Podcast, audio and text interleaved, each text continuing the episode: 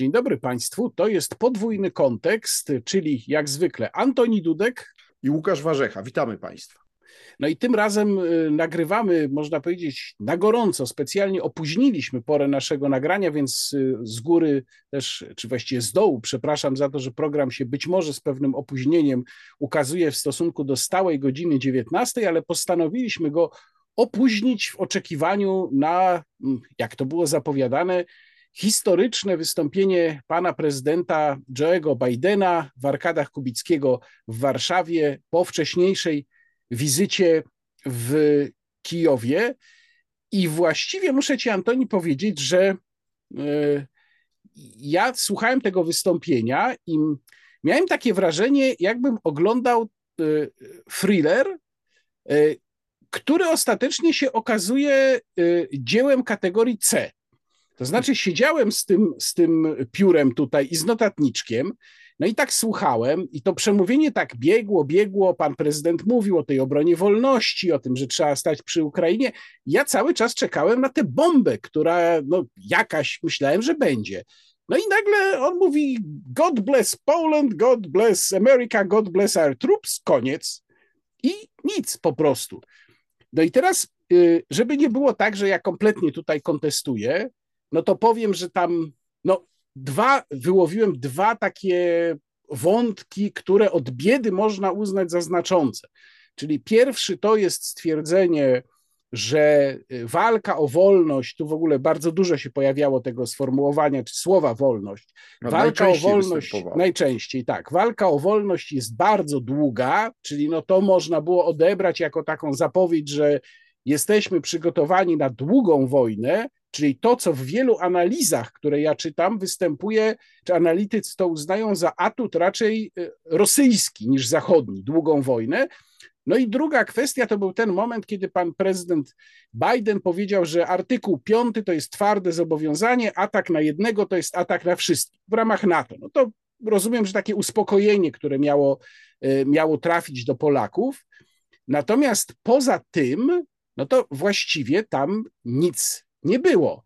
E, I teraz można by powiedzieć, że w jakimś stopniu może dobrze. To znaczy, ja się spodziewałem, że może paść coś, co e, no, w jakimś stopniu też będzie narażało, przynajmniej to jest moja opinia, będzie narażało Polskę na większe niebezpieczeństwo. Jakaś zapowiedź jakiejś akcji, jakiegoś działania, które będzie mogło narazić Polskę na niebezpieczeństwo. Tego też nie było ale z drugiej strony nie było też czegoś, no czego ja bym się jednak spodziewał. To znaczy, jeżeli wchodzimy w długą wojnę, jeżeli Polska jest tak głęboko zaangażowana, bo przypomnę, że przynajmniej moim zdaniem jedno, jednym z największych ognisk ryzyka jest to, że my jesteśmy hubem transportowym wszystkiego właściwie, co idzie na Ukrainę, no i również takich podróży, jak podróż pana prezydenta Bidena, to powinniśmy jednak w tym momencie jakiś konkret od Amerykanów dostać. I ten konkret mógł być różny, on mógł być zupełnie symboliczny, na przykład symboliczne powiększenie amerykańskiego kontyngentu w Polsce, ale mógł być też duży. Na przykład y, przekazanie, ale tu podkreślam, nie kupno, przekazanie jakiejś dużej porcji sprzętu wojskowego, którego przecież w dużej części się pozbyliśmy, wysyłając na Ukrainę albo jakieś duże zobowiązanie dotyczące amerykańskiej obecności w Polsce, tak żebyśmy rzeczywiście poczuli, że to bezpieczeństwo przez bardzo zwiększoną obecność amerykańską jest też podwyższone.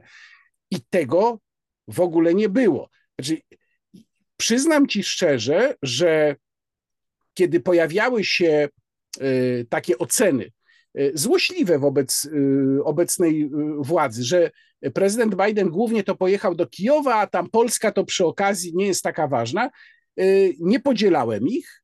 Natomiast po tym wystąpieniu, no jednak zaczynam chyba trochę zmieniać zdanie. Mam wrażenie, że, że to znowu było poniekąd to, to, co się odbyło w Warszawie, było przy okazji, poza oczywiście całym aspektem propagandowym, który PiS sobie chętnie wykorzysta. No cóż, pełna zgoda, to znaczy tu nie ma między nami różnicy zdań. Y, y, została wytworzona wokół tego przemówienia pewna atmosfera, że to ma być historyczne przemówienie. Odwoływano się do Kennedy'ego, Iżbina Berliner, y, odwoływano się do Reagana, panie Gorbaczow z Buszten Mur. I to wszystko oczywiście czegoś takiego tu nie było. Dlaczego? Bo to było wczoraj. To było wczoraj i w tym sensie ta, co było wielkim zaskoczeniem, wizyta Bidena w Kijowie kompletnie przesłoniła jego wizytę w Polsce i mnie to nie dziwi. mnie to nie dziwi, bo no cóż, Biden przyjechał wprawdzie e, po raz drugi w ciągu roku do kraju e, natowskiego średniej wielkości, jakim jest Polska, ale wcześniej pojechał do kraju e, ogarniętego wojną z Rosją. No i to, to było coś bardzo spektakularnego, bo to był sygnał jasny dla Putina. Panie Putin, Ukraina jest w amerykańskiej strefie wpływów i my już nie odpuścimy póki ja będę prezydentem. Czyli przez najbliższe dwa lata pan Putin musi się liczyć z tym, że Amerykanie będą tylko zwiększać swoje zaangażowanie w Ukrainie. No a Polska, Polska dostała gwarancję bezpieczeństwa, potwierdzenie tego, co e, e, Biden już wielokrotnie mówił o artykule 5 natowskim. Rzeczywiście nie było żadnej nagrody za lojalną współpracę, której oczekiwałeś. Dlaczego? No dlatego, że najwyraźniej e, Amerykanie nie uważają, że ta nagroda jest nam potrzebna. I ja mówiąc szczerze się nie dziwię, dlatego, że my jesteśmy w jakimś sensie sensie, powtórzę to po raz kolejny, skazani na e, e, bycie sojusznikiem Stanów Zjednoczonych, ponieważ każdy inny wariant jest moim zdaniem geopolitycznie dla Polski gorszy i Amerykanie o tym wiedzą. E, natomiast być może jeszcze jakieś deklaracje padną na zajutrz, czyli jutro, czyli kiedy zbierze się ta dziewiątka bukareszteńska, bo tu będzie cała narada jakby wschodniej flanki NATO, może Amerykanie tam jeszcze coś ogłoszą, ale powiedzmy sobie jasno, to co się najważniejszego miało wydarzyć, wydarzyło wydarzyło się w poniedziałek, kiedy Biden ku zaskoczeniu jednak całego świata pojawił się w Kijowie, bo tego moim zdaniem praktycznie nikt się nie spodziewał. Ja sobie nie przypominam w żadnych analizach oczekiwania, że w związku z rocznicą wojny Biden się pojawi w Kijowie. I tyle. I on tam też, żeby jasność, nie powiedział niczego spektakularnego, może poza zapowiedzią, że będzie 700, no tak, około 700 tylko, czołgów. Tylko, tylko, tylko że sama właśnie... jego obecność była już wystarczająco symboliczna. O, otóż to, otóż to, to znaczy tam sama obecność zrobiła więcej niż tutaj zrobiło to wystąpienie, prawda? Dokładnie.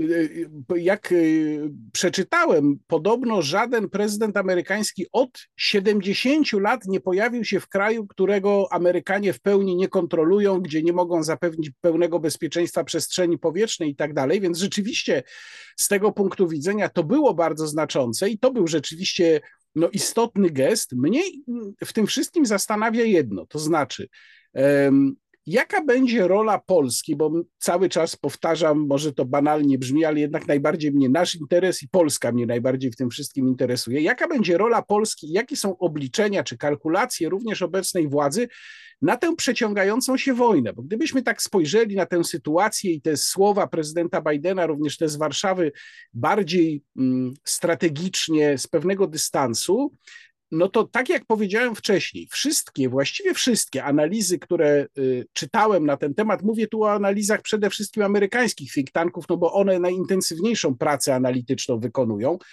mówią o tym, że długa wojna nie jest korzystna dla Zachodu. Że jeżeli chodzi o przetrwanie w dłuższym okresie, Rosja ma większe możliwości ze względu na swoją głębię surowcową, na liczbę ludności, a także na to, że przebudowuje y, tam, układ w tamtej części świata. Może tutaj Rosja nie jest głównym architektem, może są nim Chiny. I może to jest właśnie ten moment, żebyśmy powiedzieli, zanim jeszcze wspomnimy o wystąpieniu prezydenta Putina, bo ono też było dzisiaj, to oczywiście tak, to myślę, nie, był, nie był to przypadek, tak. Natomiast zanim wspomnimy o tym, to skoro mówię o, tym, o tej budowie, jak to ja nazywam, alternatywnego uniwersum politycznego i gospodarczego y, na wschodzie, y, no to powiedzmy trochę o Chinach, dlatego że tutaj też y, wydarzają się ciekawe rzeczy. Z, podczas niedawnego mm, spotkania z panem, z ministrem spraw zagranicznych Chin, pan, prez, pan sekretarz stanu Antony Blinken, amerykański sekretarz stanu, ogłosił po tym spotkaniu, e, że, czy powiedział po tym spotkaniu, że Chińczycy rozważają wysyłanie broni ofensywnej e, Rosjanom. Oczywiście my nigdy nie wiemy, do jakiego stopnia to jest rzeczywista relacja z takiej rozmowy, a do jakiego stopnia mm, to jest tylko jakaś gra dyplomatyczna. To spotkanie się odbyło na marginesie czy w kuluarach konferencji bezpieczeństwa w Monachium. Natomiast y, mm, no, mm, świat też z pewnym napięciem czekał na ogłoszenie takiej, takiego stanowiska Chin wobec wojny na Ukrainie. Myśmy rozmawiali przed programem, czy coś takiego nastąpiło. Na razie nie znaleźliśmy niczego takiego, natomiast może to nastąpić. No i tutaj zastanawiam się, ciekaw jestem twojego, twojej opinii, czy my, w sensie teraz mówię o Polsce, jesteśmy rzeczywiście przygotowani na to, że będzie to długa, wyczerpująca wojna, w której my cały czas będziemy dawać z siebie tyle samo, co do tej pory, no bo również wystąpienie, taki powiedziałbym support pana prezydenta Andrzeja Dudy przed wystąpieniem y, pana prezydenta Bidena, no wskazywał oczywiście na to, że tak, jak najbardziej, że cały czas podtrzymujemy cały czas ten sam poziom, Inna sprawa, że my już chyba nie za bardzo mamy, przynajmniej jeśli chodzi o pomoc y, sprzętową, z czego ten poziom utrzymywać, bo już prawie że wszystko oddaliśmy, co mogliśmy oddać. Y, no więc na ile my jesteśmy przygotowani i jakie znaczenie w tym wszystkim może mieć stanowisko Chin, bo moim zdaniem jednak no, fundamentalne, jeżeli Chiny postanowią się zadeklarować w tym konflikcie, w którym do tej pory tak no, balansowały, bardziej jako y, sojusznik Rosji, no to już będzie bardzo poważna sprawa. Tak, dokładnie tak. I może od tego zacznę. Najpierw o kontekście chińskim, a później o naszym wewnętrznym. Więc moim zdaniem rzeczywiście, gdyby się miało potwierdzić to, o czym mówił Blinken, ale ja nie uważam tego za przesądzone, że Chińczycy zaczną Rosji po pomagać wojskowo, słać tam broń, to rzeczywiście to jest y, szalenie ważne wydarzenie, może nawet najważniejsze od 24 lutego, ale tak naprawdę, czy tak będzie, to się dowiemy, y, podejrzewam, dopiero za jakiś czas. Dziś pojawiła się informacja, że Xi Jinping, czyli przywódca przywódca, prezydent Chin, ma się udać do Moskwy wiosną. Mówi się o przełomie kwietnia i maja, może będzie gościem na obchodach znowu Dnia Zwycięstwa e, nad Niemcami, tego najważniejszego rosyjskiego święta, e, tak naprawdę najważniejszego. W każdym razie e, ja na razie uważam to za spekulację, za nie coś przesądzonego. Chińczycy się trzymali z boku i nie wykluczam, że jednak będą się dalej trzymali z boku. Natomiast gdyby się zaangażowali, to oczywiście to by oznaczało radykalne wzmocnienie sytuacji Rosji, ponieważ ja y, uważam, że y, nie podzielam opinii tych wielu think tanków, na których analityków, o których mówiłeś, że Rosja ma takie głębokie rezerwy i możliwość prowadzenia y, wojny. Oczywiście gdyby chodziło o wojnę na właściwym terytorium rosyjskim, gdybyśmy mówili o ataku Ukraińców na y, Moskwę, to zgoda. Oczywiście tak, tu Rosjanie by się zdecydowanie bronili. Natomiast ja mam wrażenie, że w Rosji narasta przekonanie, że cała ta specjalna operacja wojskowa, jak ją konsekwentnie Putin nazywał, jest jednym wielkim pasmem porażek, y, z którego należy się jakoś wykręcić, jakoś wycofać. Ja dzisiaj uważnie obserwowałem przemówienia Putina y, właśnie do y, y, połączonych izb rosyjskiego parlamentu. Stra przepraszam, strasznie długie, nawiasem tak, mówiąc, półtora godzinne trwające, tak, co prawie dwie mówiąc, godziny chyba. Dowodzi słabości polskich mediów, bo żadna polska stacja informacyjna tego nie retransmitowała, więc ja to Ale obejrzałem to? Putina, na Bielsacie. Putina, Putina no pokazywać. Właśnie, no, ja to obejrzałem sobie na Bielsacie, o dziwo jednak Bielsat transmitował. Oczywiście mój rosyjski nie jest doskonały, więc nie powiem, że zrozumiałem każde zdanie, ale większość zrozumiałem tego, co Putin powiedział. No i oczywiście nie będę tutaj tego streszczał, bo to nie ma większego sensu.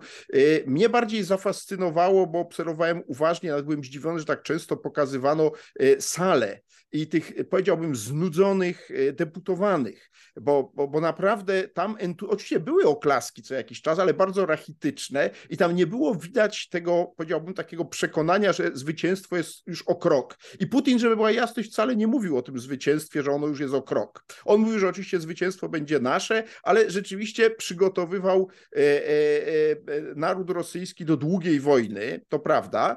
Natomiast w jego wypowiedziach bardzo silne były wątki autarkiczne. On tam nie mówił, że nam Zachód do niczego nie jest potrzebny, to oczywiście powiedział, bo on jest naszym wrogiem, ale w związku z tym będziemy rozwijać współpracę z Indiami i z Chinami. I to jest, to jest połowa ludzkości i my z tą połową ludzkości pokonamy ten straszny Zachód. Tam nic o Indiach i Chinach nie było. I to hmm. bardzo znamienne. Tam była mowa o tym, że my musimy sami wszystko rozwijać. Musimy zmienić system szkolnictwa, musimy y, y, zmienić y, oczywiście gospodarkę obronną. Powiedział, że właściwie tylko nasze strategiczna, i to było bardzo znamienne. On powiedział, że jedyna naprawdę znakomicie działająca część naszych sił zbrojnych to są siły strategiczne nuklearnego odstraszania, a cała reszta musi do, do, doszlusować do tego poziomu. Co tu należy, jak to należy rozumieć? Putin powiedział tak, słuchajcie, no niestety nasza armia na razie się nie popisała, ale za jakiś czas ją doprowadzimy do takiego stanu jak nasza Wunderwaffe, czyli broń nuklearna. No i przy okazji oczywiście, żeby czymkolwiek pogrozić Bidenowi, no bo w ogóle pominął jakby wizytę Bidena w Kiniowie, zignorował ją, no to zapowiedział, że Rosja zawiesza swój udział w tym układzie START, czyli tym układzie o ograniczeniu strategicznych zbrojeń rakietowych. Natomiast, natomiast znamienne, że nie wypowiedział tego układu, tylko zawiesił udział, czyli jest taka częściowa forma wycofania. Podsumowując, całe to wystąpienie Putina robiło na mnie wrażenie wystąpienia, Putin mocno kaszlał, nawiasem mówiąc, w czasie tego przemówienia. To nie znaczy oczywiście, że ja uważam, że on jest umierający, ale widać było, że to już nie ta kondycja co dawniej i że najkrócej mówiąc, Putin zrobił na mnie wrażenie takiego e, pana starszego, zmęczonego już sytuacją, który próbował jeszcze bardziej zmęczoną salę porwać do jakiegoś optymizmu, ale tego tam nie było. I w tym kontekście ja nie uważam, że Rosja jest zdolna prowadzić długą wojnę. E, natomiast moim zdaniem sprawa się rozstrzygnie w ciągu najbliższego roku, tego roku i przyszłego. Dlaczego? Bo bo tak naprawdę moim zdaniem Biden w tej chwili radykalnie zwiększy zaangażowanie amerykańskie w Ukrainie z prostego powodu. To jest jego najbardziej spektakularny sukces w całej prezydenturze, jeśli chodzi o politykę zagraniczną. W polityce wewnętrznej zdaje się większych sukcesów nie ma, więc inaczej mówiąc będzie kół to żelazo, któremu jedyne e, działa, czyli e, żelazo ukraińskie. I spodziewam się za tym, że Ukraińcy dostaną jeszcze więcej e, amerykańskiej broni i, i coraz, powiedziałbym, no, nowe jej rodzaje. Także myślę, że kwestia samolotów też jest kwestią kwestią nieodległą, tu jest raczej problem wyszkolenia pilotów. Łatwiej wyszkoleć czołgistów niż pilotów samolotów, prawda? Zwłaszcza tych nowoczesnych. Natomiast moim zdaniem Ukraińcy to stopniowo wszystko dostaną. I w moim przekonaniu Putin będzie miał naprawdę ogromne problemy z utrzymaniem tego terytorium, które, które jest w tej chwili pod jego kontrolą. A teraz no jeśli chodzi o polski kontekst już na koniec. To jeszcze, przepraszam, jeśli tak. mogę, to, to wejdę ci w słowo, bo, bo chciałem krótko się odnieść do, do, do Putina, do wystąpienia Putina, którego ja nie oglądałem, natomiast też oglądałem jakieś tam drobne fragmenty. Ja rosyjskiego nie znam, więc y, byłoby mi pewnie trudniej zrozumieć. No tam tyle, co kiedyś z podstawówki.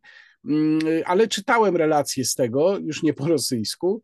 E, I e, po pierwsze, jeżeli jest mowa o tej zdolności do znoszenia długiej wojny, to na ogół analitycy piszą nie tylko o tym, że Rosja ma pewne zasoby, ale o tym, że jest generalnie odporniejsza. To znaczy, to, co można narzucić społeczeństwu rosyjskiemu, przede wszystkim obniżenie poziomu życia związane z konsekwencjami gospodarczymi prowadzenia wojny, a także przestawienie gospodarki rosyjskiej w tryb wojenny nie jest takie proste na Zachodzie. To znaczy, na tak, Zachodzie tak. nie ma ani takiej gotowości do poświęceń, ani nie można tak łatwo tej gospodarki zachodniej przestawić w tryb wojenny. Na konferencji w Monachium, nawiasem mówiąc, była o tym, wspominano o tym właśnie. Były takie wypowiedzi, że musimy to w Europie zrobić, no ale to są tylko takie życzeniowe wypowiedzi, właśnie musimy to zrobić, no ale to, to nie jest w demokracjach takie łatwe. No zresztą Rosja nie, jest jednym krajem. Ja będę polemizował, bo od, odróżnijmy Europę Zachodniej, po której ja się się niczego nie spodziewałem, to nie tylko dlatego, że kanclerz Scholz dalej ma wątpliwości co do wspierania, e, wspierania e, Ukrainy. Tu chodzi o amerykański przemysł obronny. Stany Zjednoczone są od niepamiętnych czasów największym producentem broni. I teraz jest tylko pytanie, kto za tą broń zapłaci. Jeżeli za tą broń zapłaci e, budżet Stanów Zjednoczonych, a Biden, mam wrażenie, jest skłonny to zrobić, to popłynie ogromna rzeka uzbrojenia amerykańskiego na Ukrainę. I tyle w tej sprawie. Ja, a ja nie, nie, a nie, nie, nie, Antoni, widzisz, tu się mylisz, dlatego że po pierwsze, e, Zasoby amerykańskiego uzbrojenia są na wyczerpaniu, a zamówienia, sam czytałem taką analizę, dużą analizę zrobił chyba Carnegie Endowment for International Peace e, w, bodajże w grudniu. E, dużą analizę stanu uzbrojenia amerykańskiej armii. Okazało się, że zamówienia przemysłu zbrojeniowego pokrywają bardzo małą część tego, co Amerykanie już przekazali Ukraińcom. Czyli te zasoby się wyczerpują. One się zresztą wyczerpują nie tylko w Stanach, ale wyczerpują się również no, generalnie na Zachodzie, tak jak nasze się również wyczerpują.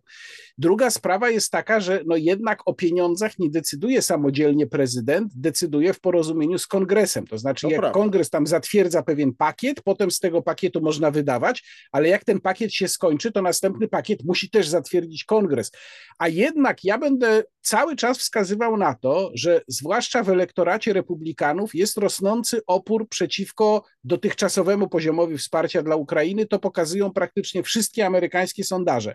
Zmiany u demokratów, w elektoracie demokratów też są, ale one są tam, no to jest po parę punktów procentowych, natomiast w ciągu roku.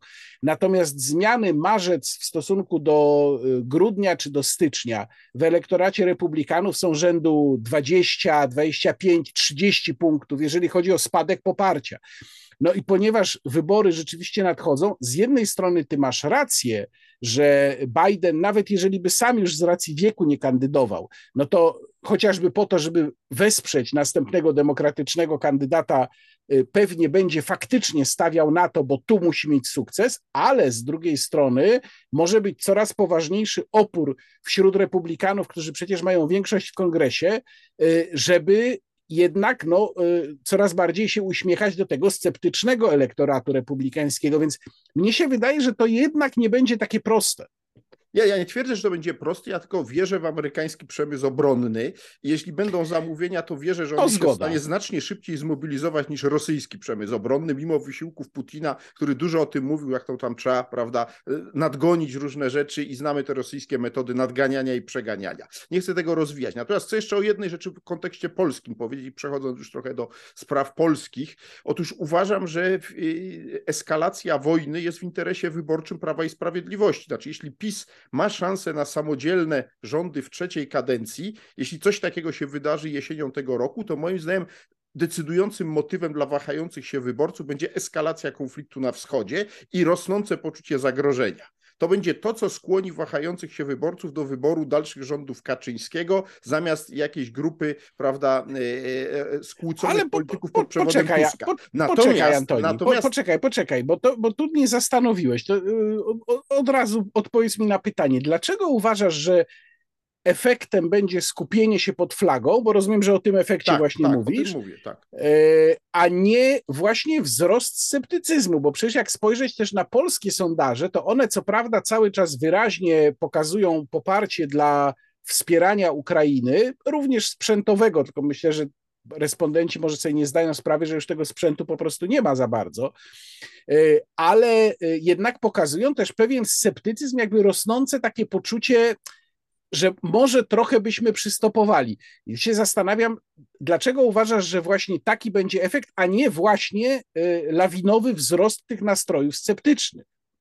No, ja uważam, że tak będzie z powodu strachu, dlatego że ciągle wielu ludzi obawia się. No tak, jeżeli... tylko że to PiS nas najbardziej tam popycha właśnie do tych radykalnych działań.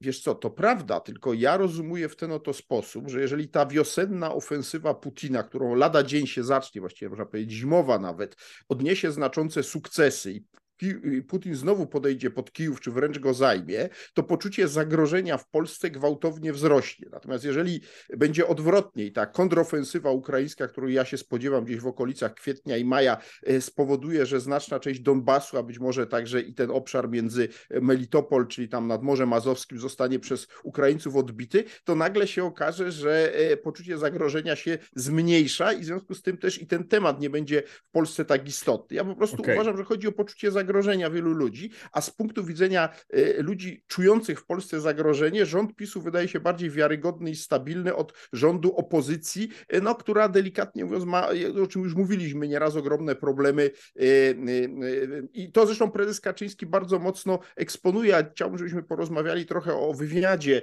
który właśnie prezes Kaczyński opublikował po przerwie jego wywiady nie są zbyt częste.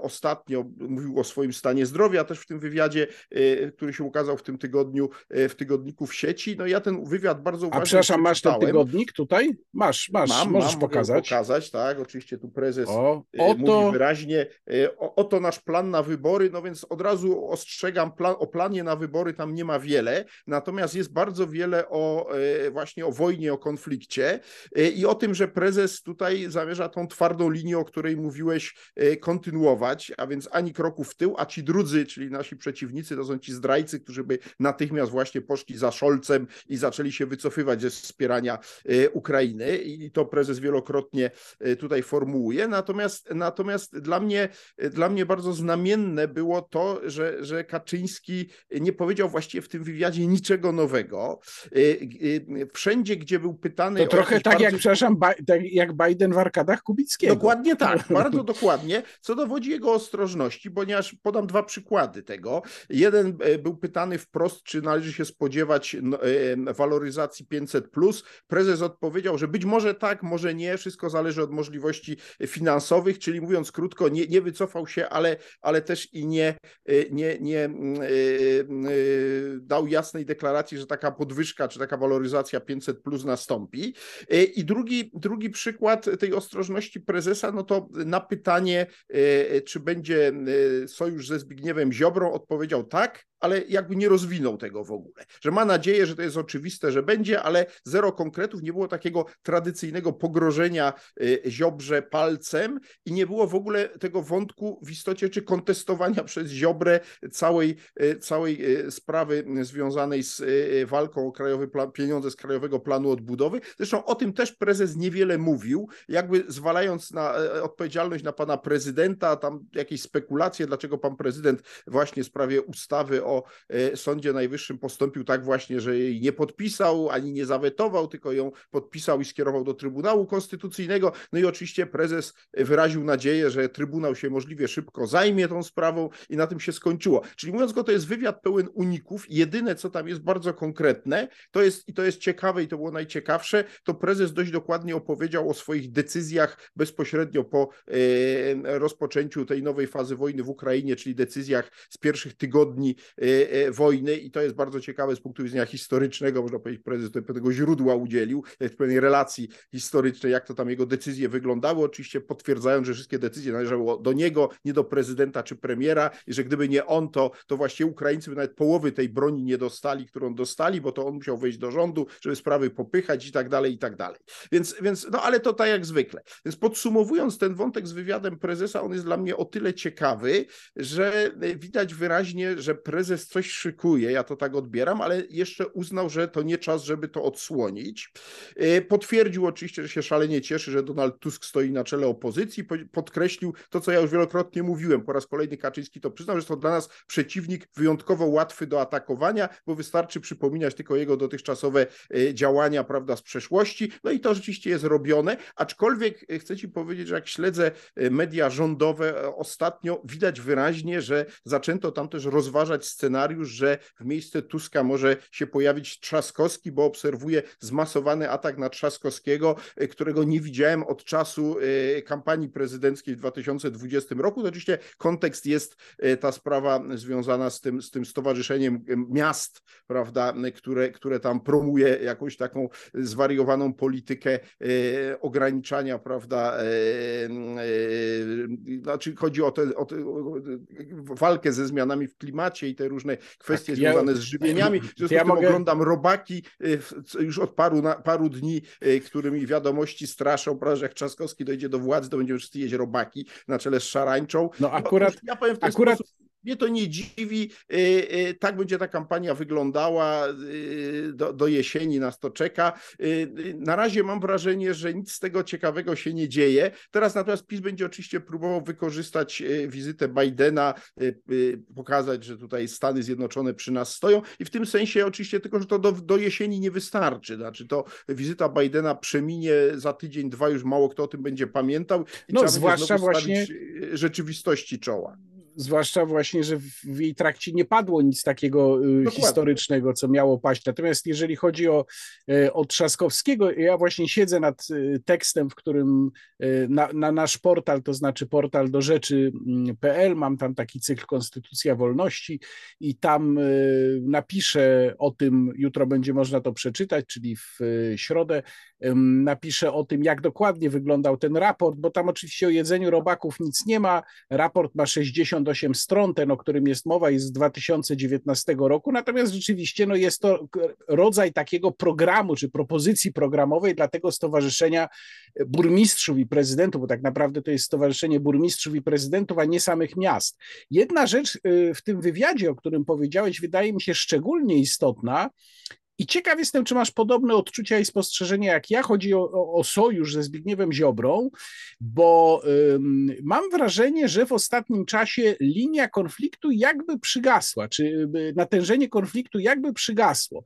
Y, mam wrażenie, że y, osłabły ataki ze strony polityków Solidarnej Polski na Prawo i Sprawiedliwość w związku z tymi kwestiami, które zawsze były dogodnym pretekstem do ataku, czy powodem, bo to właściwie nie, nie pretekst, tylko powód rzeczywisty, to znaczy kwestie przede wszystkim klimatyczne. To jest to, czym się zwłaszcza Janusz Kowalski y, y, zajmował.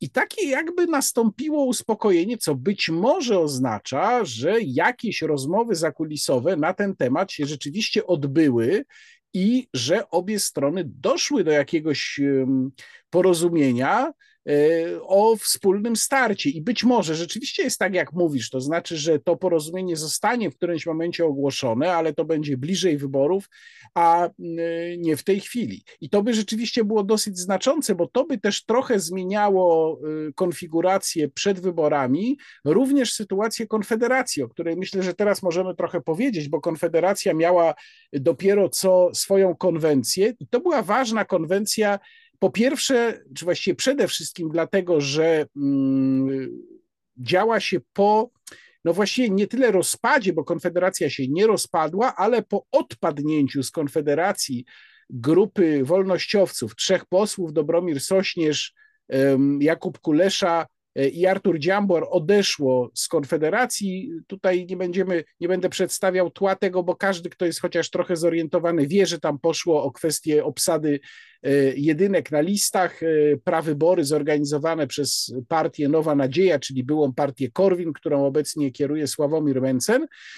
No i e, w, chyba mogliśmy odczytać z tej konwencji nawet bardziej niż program, bo program, główną linię to znamy, natomiast można było odczytać, kto będzie grał pierwsze skrzypce, dlatego że do e, e, Rady Konfederacji, w Radzie Konfederacji to on chyba był, ale został wiceprzewodniczącym Krzysztof Bosak i właśnie Krzysztof Bosak ze Sławomirem Mencenem byli głównymi mówcami na tej tak. konwencji, co bardzo wyraźnie wskazuje, że ciężar Konfederacji przesuwa się w stronę dwóch ugrupowań. Właśnie Nowej Nadziei, która reprezentuje to skrzydło liberalne i narodowców, którzy reprezentują skrzydło bardziej konserwatywne, narodowe. Tu zresztą myślę, że wybór tych, y, czy właściwie to, że te dwie osoby zostają frontmenami ewidentnie w roku wyborczym, czyli Krzysztof Bosak i Sławomir Mencen to jest dobry wybór, dlatego że to są bardzo medialni ludzie.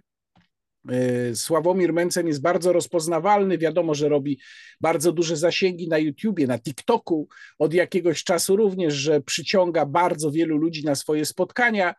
Ja zresztą kiedyś miałem okazję w takim spotkaniu uczestniczyć jako taki, no powiedzmy, zaproszony mówca, więc widziałem, jak to rzeczywiście wygląda. Mm, a Krzysztof Bosak z kolei no, jest popularny ze względu na swój udział w różnych programach y, publicystycznych i trzeba powiedzieć, że jest bardzo sprawnym uczestnikiem i, i takim merytorycznym. Więc y, mm, ja się zastanawiam, czy to wystarczy, żeby odsunąć ewentualne złe wrażenie wynikające z tego, co się wydarzyło z wolnościowcami. Byłem zwolennikiem takiej tezy do niedawna, że Konfederacji to odejście tej grupy jednak mocno zaszkodzi, bo wyborcy zawsze karzą za rozpad, a nagradzają za zjednoczenie. Ale mam wrażenie, że Sławomirowi Mencenowi, który był chyba głównym architektem tego, tego odejścia wolnościowców, no oni sami zresztą tak twierdzą, a właściwie sam Mencen nie zaprzecza temu też, że jemu się udała pewna dosyć trudna sztuka, to znaczy pokazał to i taki jest, taki może być odbiór większości wyborców, jako odejście jakiejś tam skłóconej, dosyć marginalnej grupy z Konfederacją się właściwie nic nie dzieje, ona cały czas jest w takim samym kształcie, tylko jest właśnie odświeżona, więc w ogóle nie ma żadnego rozpadu, nie ma się czym przejmować, idziemy tutaj do wyborów i tam, że jakieś trzy osoby odeszły z reprezentacji Konfederacji w Sejmie, to nie ma żadnego znaczenia. No, koło poselskie miało 11 osób, teraz będzie miało 8 osób, ale to z punktu widzenia reprezentacji sejmowej o tyle nie ma znaczenia, że i tak klub poselski można być od 15 osób, więc tak czy owak to niczego tutaj mm, nie zmienia. Cały czas się zastanawiam, na ile ten przekaz, ten duet Nowa Nadzieja plus Narodowcy będzie skuteczny w samej kampanii wyborczej i co przede wszystkim zostanie wzięte jako y, motyw przewodni bo jedna chyba rzecz tutaj jest dosyć ważna, to znaczy zejście z tej linii dotyczącej konfliktu na Ukrainie. Tutaj dosyć wyraźnie widać, że przynajmniej na razie Konfederacja za bardzo nie chce o tym mówić. To jest temat, który gdzieś został zepchnięty na drugi plan. Grzegorz Braun w ogóle nie występował na tej y, konwencji, więc z tego punktu widzenia no jest pytanie, co będzie osią, prawda? Bo jeżeli to nie, a to jest najbardziej żywy, emocjonujący temat w tej chwili, to co? Znaczy, moim zdaniem, y, bycie czymś w rodzaju partii protestu. Zawsze w Polsce jest zapotrzebowanie na taką formację. Kiedyś najlepiej to zaspokajał Paweł Kukis, no a dziś chyba mm, czas dla Konfederacji, y, a więc takiej partii, która się prezentuje jako antyestablishmentowa i myślę, że tą rolę Konfederacja ustami Mencena i Bosaka będzie dobrze e, realizować, dlatego że moim zdaniem to są najzdolniejsi politycy tej partii. Ta trójka posłów, która się z nimi nie dogadała, moim zdaniem popełniła błąd polityczny y, i będzie im się strasznie trudno y, przebić, zaistnieć obok Konfederacji. Bo szyld Konfederacji jest już rozpoznawalny i ludzie na parę miesięcy przed wyborami raczej nie dowiedzą się, że istnieje taka partia jak Wolnościowcy, która jest bardziej skonsolidowana, bardziej spójna programowo. Pełna zgoda. Będzie, będzie, będzie się strasznie trudno im przebić. Natomiast Konfederacja, jeśli się pan Bosak z panem Mencenem nie pokłócą, moim zdaniem ma szansę na całkiem niezły wynik wyborczy. Oczywiście ona będzie głównie odbierała zwolenników PiSowi, w mniejszym stopniu tej opozycji e, centrowo-liberalnej, prawda, Platformy Obywatelskiej czy, czy, czy tym bardziej ruchowi Hołowni, nie wiem dużo lewicy, bo to kompletnie inne elektoraty. I, I, teraz cóż dalej? No, dla mnie ciekawy jest moment, w której rzeczywiście e, w następnym Sejmie e, może się zdarzyć tak, że od tych kilkunastu posłów Konfederacji, których ja się spodziewam, że ta formacja może wprowadzić do następnego Sejmu, będzie zależało od tego, kto stworzy rząd. I tutaj oczywiście większość analityków przypuszcza, że Konfederacja wybierze PiS, a ja nie wykluczam, że Konfederacja wybierze, e, nie wybierze żadnej strony, bo tak naprawdę e, pójście e, znaczy to będzie wybór, mówiąc krótko, między ideałami a, a stanowiskami. Dlatego, że y, gdybyśmy sobie na moment wyobrazili sytuację, w której pisma y, w następnym Sejmie powiedzmy 215 czy 217 czy 220 posłów, a Konfederacja ma tych kilkunastu, którzy domykają i dają te powyżej 230, no to oczywiście dostaną pewnie ze dwa stanowiska ministerialne, może nawet jeden stanowisko wicepremiera, y, dostaną ileś miejsc w spółkach Skarbu Państwa i zostaną kompletnie zmarginalizowani przez prezesa Kaczyńskiego.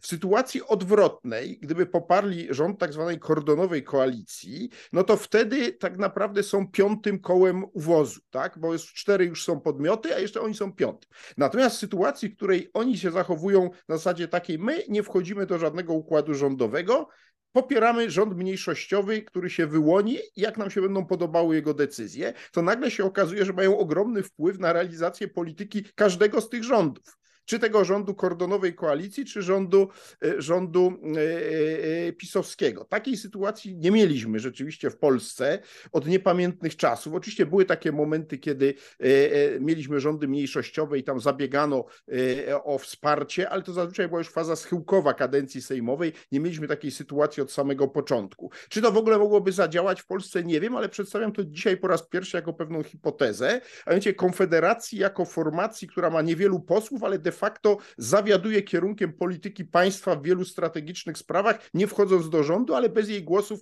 jakby wobec przy tej polaryzacji staje się beneficjentem polaryzacji, ponieważ ta polaryzacja jest potężna już w tej chwili, ona się jeszcze bardziej spotęguje za sprawą tych wyborów. Będziemy mieli dwa 200 osobo, 200 kilkudziesięcioosobowe zespoły poselskie kompletnie niezdolne do jakiegokolwiek współpracy ze sobą i pośrodku nich kilkunastu posłów, które mogą być tym języczkiem uwagi. Gdyby tak się złożyło, to Konfederacja może nagle odgrywać niezwykle istotną rolę w Polsce, no tylko pytanie właśnie e, e, w jakim kierunku miałoby to iść. E, co takiego ta Konfederacja chciałaby przeforsować i tu się pojawia pytanie, bo Sławomir Mencen mówi o takim ogólnie wolnościowym przesłaniu, natomiast to trzeba przełożyć na pewne konkrety.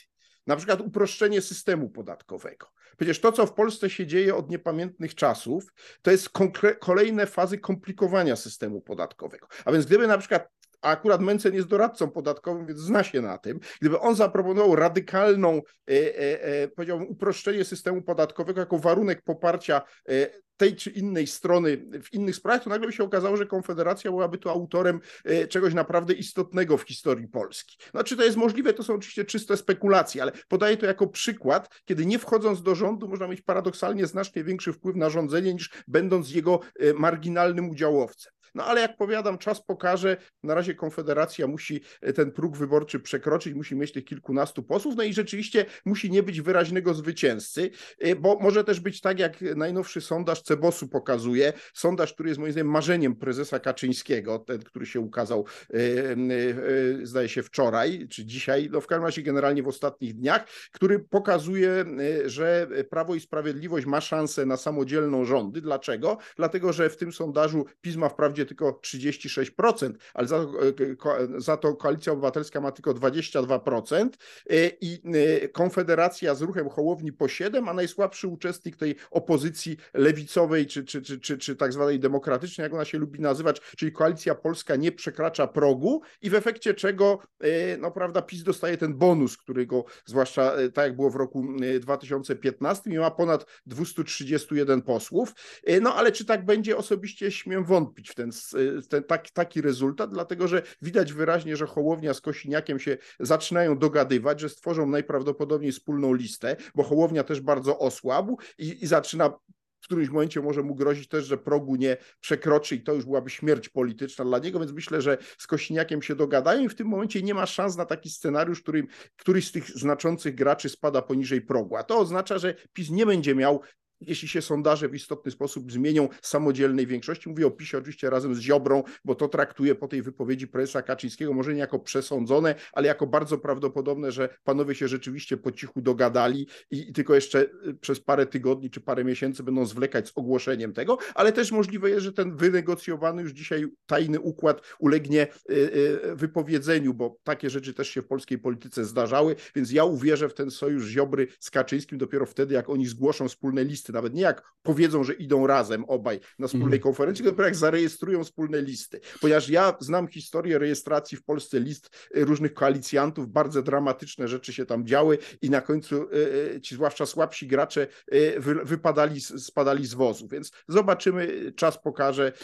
Myślę, że musimy tu się uzbroić w cierpliwość. Na koniec dwa słowa jeszcze o Konfederacji. Ja się zastanawiałem ostatnio nad tym, jakby to wyglądało, gdyby Konfederacja miała wejść do koalicji koalicji z PiS i myślę, że to byłaby jej ostatnia kadencja. A Dlatego, to jest inna sprawa. PiS pożera wejście, wszystkich tak. koalicjantów. Nikt nie przeżył koalicji z PiSem na razie. To jest jedna sprawa, a druga sprawa, że wizerunkowo rzecz biorąc, no to by było po prostu zniszczenie tego wizerunku, na który Konfederacja pracowała praktycznie przez całą kadencję. Więc, y, no ale oczywiście zobaczymy, jak będzie, bo w polskiej polityce nigdy na 100% nic nie wiadomo. Tak samo zresztą jak w światowej. My Państwu bardzo dziękujemy za dzisiaj, za to, że Państwo poczekali na ten program opóźniony ze względu na wystąpienie pana prezydenta Bidena, ale podwójny kontekst był, był we wtorek jak zwykle. Dziękujemy bardzo. Antoni Dudek.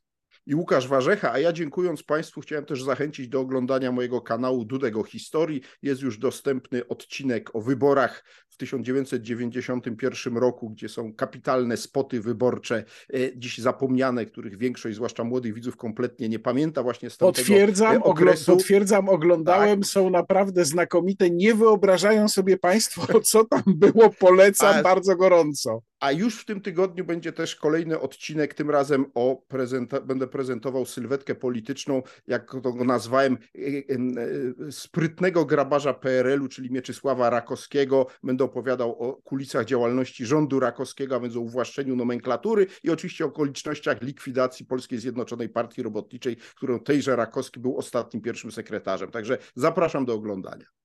Zapraszamy na Dudek o historii oraz oczywiście na wszystkie materiały na moim kanale.